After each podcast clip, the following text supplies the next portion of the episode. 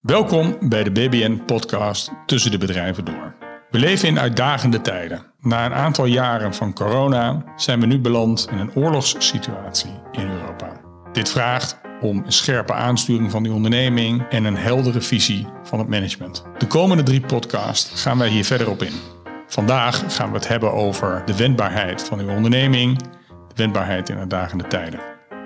De komende twee podcasts gaan we het hebben over hoe zorg ik nou dat ik voldoende financiering heb om wendbaar te blijven.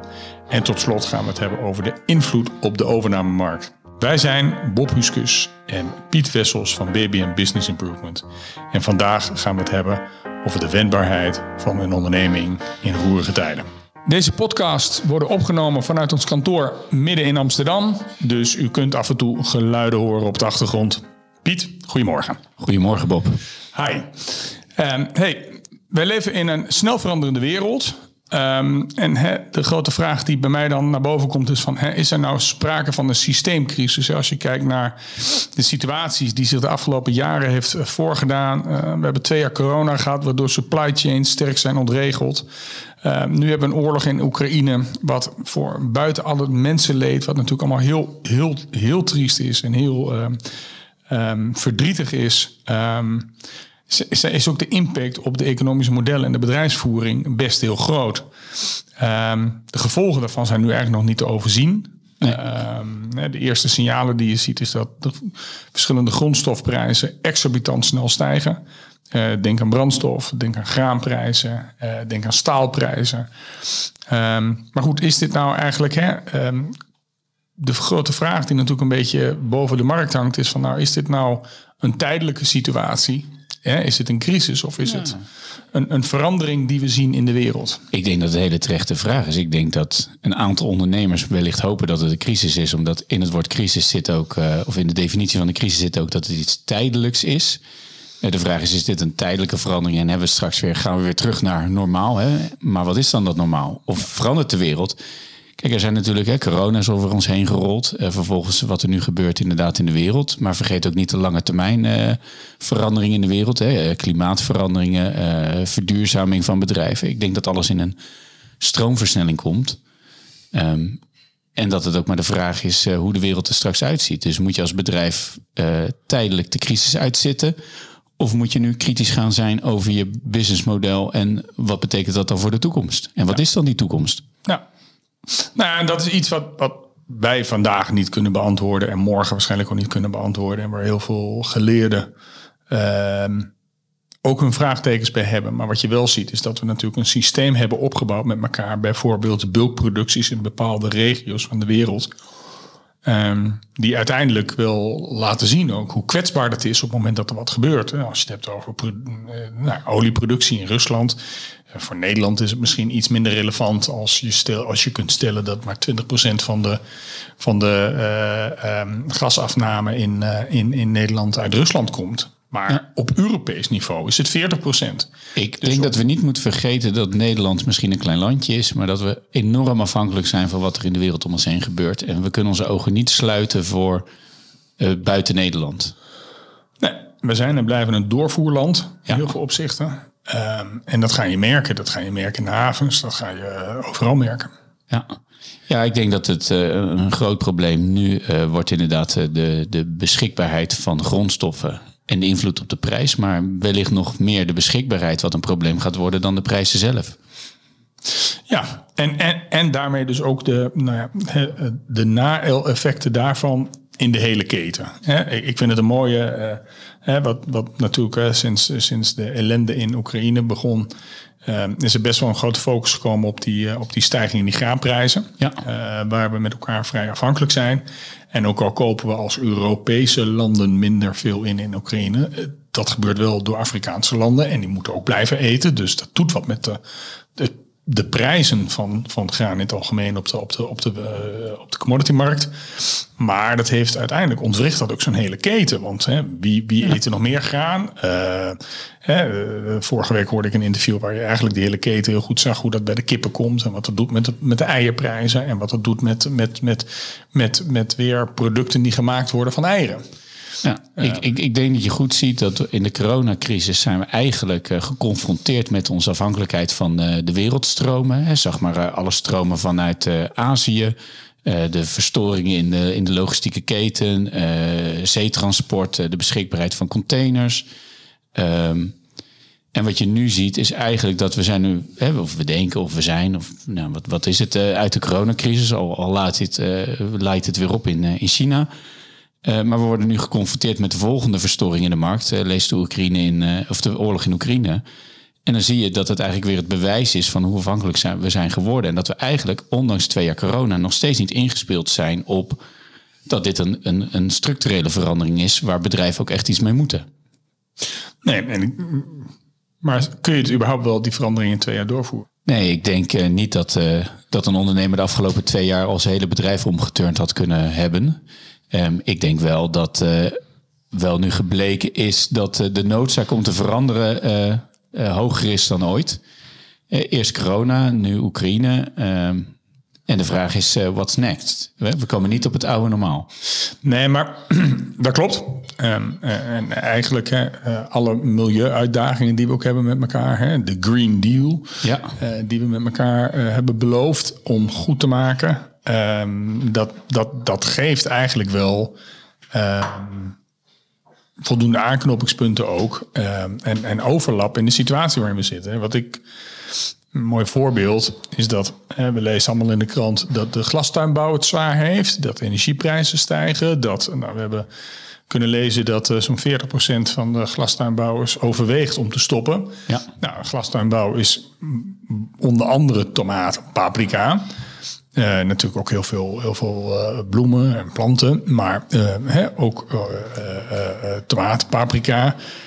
en als ik dan bijvoorbeeld kijk naar van wat zijn dan alternatieve gebieden, dan zie je bijvoorbeeld dat Spanje als gevolg van klimaatveranderingen en als gevolg van droogte dit jaar nog maar 20% zit van wat ze normaliter zitten. Ja. Dus um, hè, ja, we hebben hier een probleem, hoge gasprijzen, maar daar is een heel ander probleem, want het water is gewoon er niet. Nee, dus dan zie je dat eigenlijk het in de hele keten verstoord is en dat er dus ook geen quick win is. En um, dat is hetzelfde als, uh, ja, kan ik de prijs uh, doorbelasten aan mijn klant? Uh, moet de overheid dan de consument gaan compenseren voor hogere prijzen? Dat zijn allemaal korte termijn oplossingen, terwijl we met lange termijn uitdagingen zitten. Precies. Die, de, de noodzaak tot verandering is enorm. We moeten met elkaar innoveren, we moeten het slimmer doen, we moeten het anders doen. En je moet eigenlijk de geëikte paden weer eens tegen het licht houden van joh, past dit nou allemaal? Ben ik nou, wil ik nou kwetsbaar zijn in de keten? Wil ik nou afhankelijk zijn van de toelevering van bepaalde producten uit een bepaalde regio, uit Azië of uit Oost-Europa of uit Nederland? Of moet je juist zorgen dat je meerdere, meerdere bronnen hebt waar je kunt produceren? En dat, dat heeft ongetwijfeld ook een invloed op de prijs. Want hoe, hoe meer je bepaalde productie concentreert, hoe goedkoper dat uiteindelijk uitkomt. Maar, hè, maar het, het blijkt nu een heel fragiel uh, evenwicht te zijn. Ja, het was een evenwicht. Ja, de weg naar beneden in die prijsdalingen, ook in consumentenproducten, die hebben we de afgelopen jaren veel gezien. Uh, en, en alles moest goedkoper, goedkoper, goedkoper. Want ondanks dat, zeg maar, dat de koopkracht misschien niet heel veel groter werd en, en het besteedbaar inkomen niet heel veel groter werd, wat er wel gebeurde is dat uh, mensen, doordat het goedkoper werd, mensen steeds meer producten gingen kopen. Mensen wilden drie weekendjes per jaar naar Barcelona of naar Londen. En mensen moeten een telefoon hebben van, van 1000 euro. En, en nou ja, praat zo maar door. En er zijn niet vier seizoenen in kleding, maar er zijn inmiddels al acht seizoenen in kleding. En al die seizoenen moeten worden ingevuld. En, en, en, daar, en daar wringt de schoen. Daar wringt de echte schoen. De echte schoen wringt in dat we meer kwaliteit moeten hebben in plaats van kwantiteit. En dat moet kun je bij het bedrijfsleven neerleggen, maar dat moet uiteindelijk moet dat bij de consument vandaan komen. De consument moet in en masse zeggen van joh luister, wij nemen genoegen met twee overrempjes in plaats van drie. Ja, maar dan wel kwalitatief goede. Die ook langer meegaan. Ja, en dat, en dat doet wat met je transportbewegingen, dat doet wat met je uitstoot, dat doet wat met allerlei behoeftes, waardoor je uiteindelijk uh, uh, lucht in die keten krijgt. Ja, dus uiteindelijk is uh, deze uitdagende tijd ook een kans. Ik doe uh, een halfjaartje of een jaartje langer met een telefoon. Er gaat niemand dood aan. De kwaliteit van het leven wordt echt niet minder daardoor. Nee. Uh, en dat, dat is wel de manier hoe we moeten gaan denken met elkaar. Ja, maar eigenlijk wat je nu ziet is dat we nu eigenlijk gedwongen worden om nou, veranderingen die al heel lang spelen, zeker in duurzaamheid en klimaatverandering, om daar nu actie op te ondernemen. Ja. We kunnen niet meer. Nee. we kunnen het niet meer ontkennen, we moeten ermee aan de slag. En dat, en dat geeft enorm veel kansen. Hè? En, en, en eh, ik denk dat in elke sector er eh, net zoveel bedreigingen als kansen zijn. Eh, alleen je moet ervoor openstaan en je moet het willen pakken en je moet het inzien. En soms moet je eens een keer met mensen in de sector daarover praten van waar, waar liggen die dan? Of met mensen buiten de sector erover praten, met je klanten erover praten van hoe zien jullie ons dan en wat vinden jullie dan dat we moeten doen? Kijk, het, het, het voordeel nu is dat het is niet één branche. Het is niet één land wat eh, geconfronteerd wordt met de veranderingen. Het is eh, wereldwijd eh, door alle branches heen. De bereidwilligheid om nu te veranderen, de noodzaak om te veranderen, de noodzaak inzien van die verandering, dat is nu hoger dan ooit. Ja, dus pak die kans. Hè. Zie het ook niet als een bedreiging, maar zie het ook als een kans. Nou ja, kijk, en, en ja, er zijn, er zijn best wel veel donkere wolken aan de horizon als je kijkt naar de, naar de economie. Ehm, maar uiteindelijk, het uitgangspunt is natuurlijk prima. We hebben, Nederland is heel goed de afgelopen twee jaar uit die coronacrisis gekomen. We doen het eigenlijk heel erg goed. We zijn concurrerend. Ehm, we zijn we een best wel robuuste economie. Ehm, de werkloosheid is heel laag. Ehm, dus, dus hoe gaan we nou eigenlijk de volgende stap maken? En hoe ga je nou ook deze situatie aanpakken om ook problemen die, waarvan je eigenlijk al met elkaar ziet, bijvoorbeeld de arbeidsmarkttekorten nemen alleen maar toe. Nou, hoe, gaan we, hoe gaan we dat nou met elkaar het hoofd bieden? Ja. Ehm, eh, door innovatie, door artificial intelligence, door robotisering. Ehm, en er zijn hele sectoren die, die, die eigenlijk niet openstaan voor robotisering. Terwijl je mij niet wijs maakt dat, je, dat de innovaties al niet op de dusdanig niveau zijn. Dat je bijvoorbeeld de glastuinbouw heel goed kunt robotiseren voor een gedeelte. Ja, eh, en niet vergeten te verduurzamen. Ehm, op dit moment eh, cruciaal is eh, de wendbaarheid van ondernemers, kansen zien, eh, niet in paniek raken, maar vooral nadenken: wat betekent dit voor mijn onderneming? Wat gaat er veranderen in mijn afzetmarkt? Wat gaat veranderen in de toeleveringen? En wat, wat, wat is dan uiteindelijk het effect voor mijn bedrijfsvoering? Ja, en ehm, ehm, eigenlijk wat je ziet is dat vooral die supply chain, dat is een belangrijk, dat, is een, dat is een zwakke schakel, zwakke schakel in de economie. Ehm, dus die moet je eigenlijk weer eens tegen het lichaam houden. Waar haal ik nu mijn producten vandaan en hoe kan ik nou zorgen dat ik minder afhankelijk word van de zwakste schakel? En hoe kan ik nou zorgen dat, dat ik, wanneer er wat gebeurt op wereldniveau, eh, dat ik niet direct eh, afhankelijk ben van, eh, van toelevering. Hè, just-in-time principe, ja, dat, ik denk dat dat voor heel veel bedrijfsvoeringen toch minder strak moet worden doorgevoerd dan dat je dat nu ziet. Ja. De, de, de, de, de eerste problemen in Oekraïne waren nog niet binnen. Of Volkswagen sloot meteen twee fabrieken. Ja, dat, dat, Ja. dat moet je misschien wel op een andere manier gaan bekijken. Nee, ik denk dat, eh, dat de mindset van een aantal afdelingen binnen bedrijven moet veranderen. Hè. Dat is onder andere voorraadbeheer. Dat ging altijd over just-in-time, zo laag mogelijke voorraad, minder liquiditeitsbeslag. Eh, en voorraad is nu een strategisch product geworden. Ja. Hè, inkoop ging over eh, volumes, ging over kortingen, ging vooral over prijs. En moet nu gaan over beschikbaarheid. Precies. Hè, je ziet ook klanten in, of, of bedrijven in, in de afgelopen twee jaar die hun hele sourcing verplaatst hebben van Azië naar eh, eh, Europa, hè, dichterbij. Of alternatieven binnen Nederland eh, zoeken. Die wellicht een hogere prijs vragen, maar wel wendbaarder zijn. Leverbetrouwbaarheid is hoger.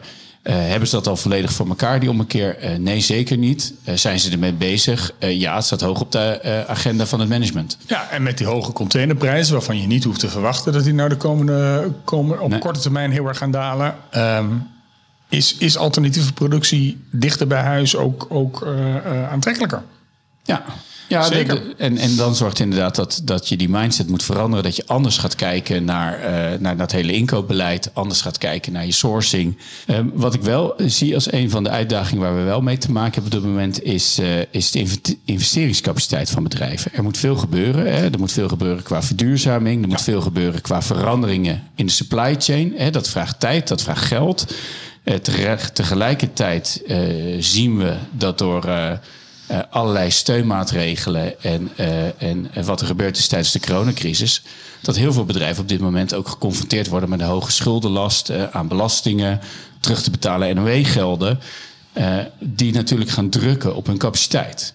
Ja, de, de bedrijven die, ehm, in, de, in de afgelopen twee coronajaren minder fiscale schulden hebben opgebouwd, om maar even zo te noemen. Die, ehm, die hebben zometeen absoluut een concurrentievoordeel. Ja. Die kunnen sneller doorschakelen, die hebben meer vrije kaststroom beschikbaar.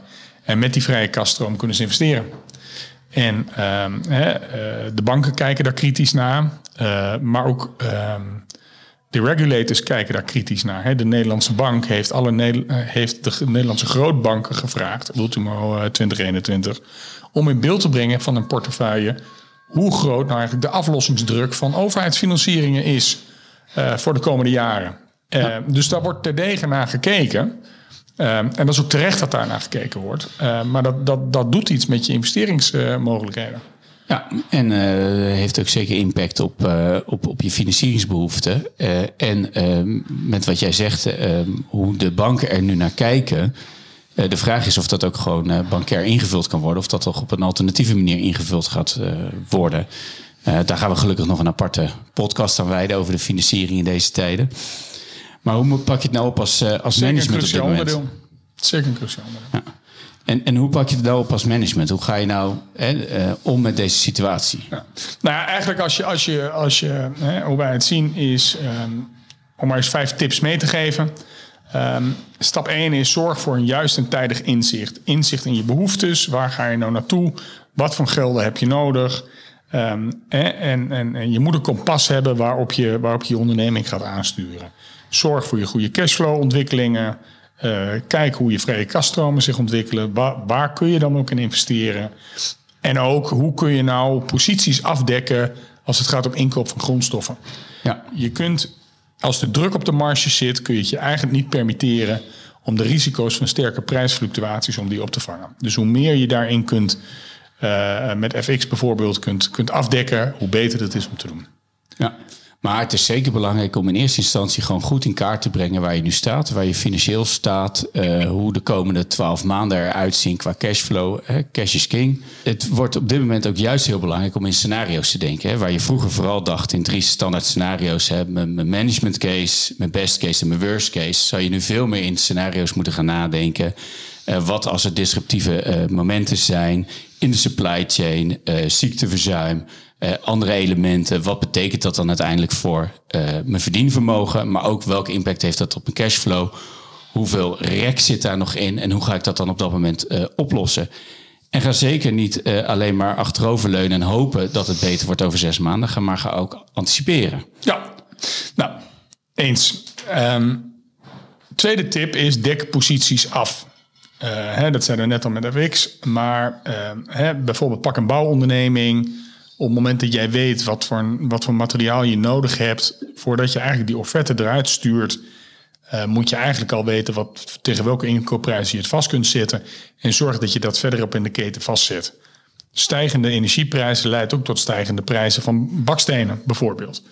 Uh, houttekorten. Het- dat zijn allemaal zomaar een paar voorbeelden waar de, waar de bouwsector mee te maken krijgt. Zorg dat je per project, voordat je daadwerkelijk je committeert naar je klant toe, je ook je inkoop gecommitteerd hebt naar je leveranciers toe. Ja, maar dat geldt natuurlijk niet alleen voor bouwbedrijven, maar bijvoorbeeld ook voor productiebedrijven. Ben je nu bijvoorbeeld een eh, spuitgietbedrijf eh, en ben je afhankelijk van de inkoop van, eh, van diverse kunststoffen? Eh, hou rekening mee dat eh, waar je wellicht vroeger eh, prima uit de voet kon met een offerte met een termijn van 30 dagen, dat nu de prijzen per week wisselen. En voor sommige sectoren, ik noem bijvoorbeeld staal, de prijzen per dag of per, zelfs per uur kunnen wisselen. Juist. En wat spreek je dan af met je klant om te zorgen dat niet de rekening bij jou als ondernemer terechtkomt? Juist. Dus tip 3 daarin is ook zorg voor voldoende voorraad. Just in time is even, hè, die laatste halve procent is allemaal niet meer zo heel erg relevant. Zorg gewoon dat je voldoende producten op voorraad hebt dat je kunt doorproduceren. Ja, Ehm, zorg En- voor voldoende materiaal. Ja, en ga voorraad ook niet langer zien alleen maar als impact op de cashflow, maar ga voorraad ook zien als een strategisch product. Eh, Bedrijven hebben jarenlang eh, gewerkt volgens het just-in-time principe, eh, hebben proberen hun voorraad laag te houden.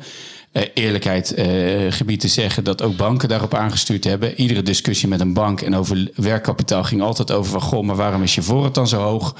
En je ziet nu discussies met uh, onder andere met de financiers. Ja, dat klopt. Maar dat is ook een noodzakelijke kwaad. We hebben die voorraad nodig. Als er een partij in de markt te koop is, dan gaan we die ook kopen. Of we gebruiken hem zelf, of we kunnen hem nog doorwandelen. Maar er is schaarste. En dat betekent dat voorraad nu een strateg strategisch product is geworden. Precies. Tip 4.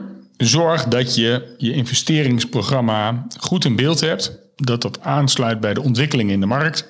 En dat je dat uh, ook wel met je stakeholders communiceert. Um, een, een, mooi voorbeeld is als jij een toeleverancier bent in, in grootstedelijke gebieden, maakt echt niet uit wat voor product je levert, dan weet jij, je moet over de komende jaren moet jij uh, naar elektrische auto's. Dus dat doet iets met je energiebehoeften, dat doet iets met je laadpunten, dat doet iets met het type auto's waar je in moet investeren. Um, en daar moet je iets mee.